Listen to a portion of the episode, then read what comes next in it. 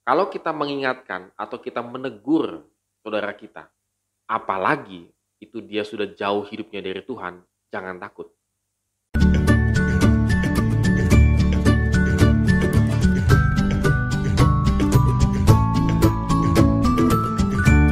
Morning Good Readers, hari ini kita bersyukur karena Tuhan memberikan kita kehidupan, kesempatan untuk hidup, dan kita manfaatkan dengan sebaik-baiknya untuk memuliakan namanya. Dan kita akan merenungkan dari dua Tawarikh pasal 13 ayat 1 sampai pasal 14 ayat 1. Gak panjang sih kalau kita baca-baca begitu ya. Ah, iya, tapi lumayan.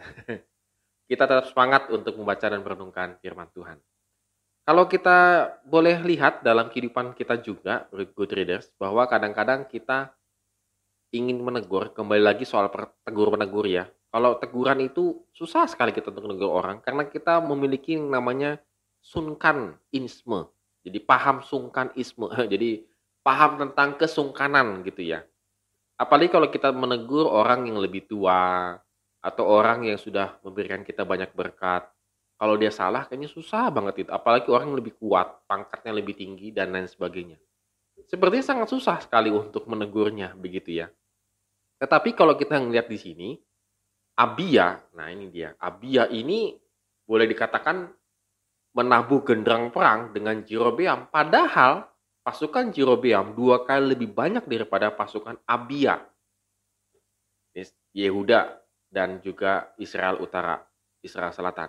Nah karena Abia tahu yang ikut cuma di suku Yehuda, uh, ya suku sukunya di Israel Selatan cuma dua suku gitu ya.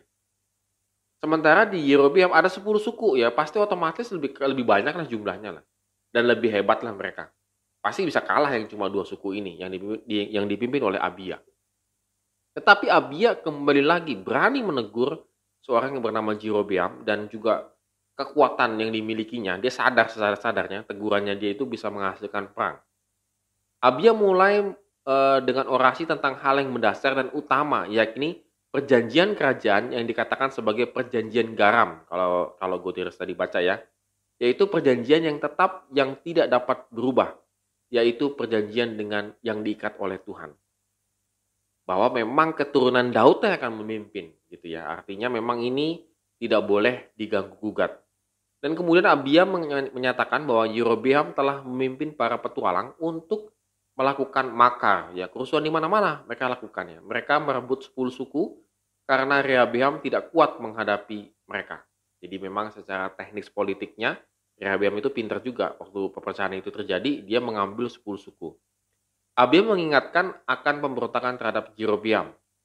Itu sama saja dia memberontak kepada Tuhan apalagi yang sama juga dengan mendirikan seperti ya menyembah berhala sama karena mereka akhirnya suku utara ini artinya eh, Israel utara ini banyak sekali melakukan penyembahan-penyembahan berhala dan mereka meninggalkan Tuhan.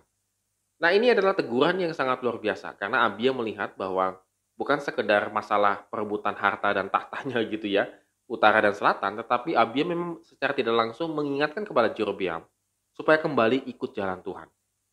Dan konsekuensinya terjadi adalah kalau kita lihat di ayat yang um, 14, ketika Yehuda menoleh ke belakang, lihatlah mereka harus menghadapi pertempuran dari depan dan dari belakang.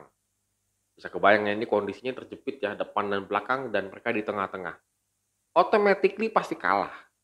Tetapi dilanjutkan, mereka berteriak kepada Tuhan. Sedang para imam meniup nafiri di keadaan yang sangat terjepit dan terdesak ini, mereka berteriak minta tolong kepada Tuhan.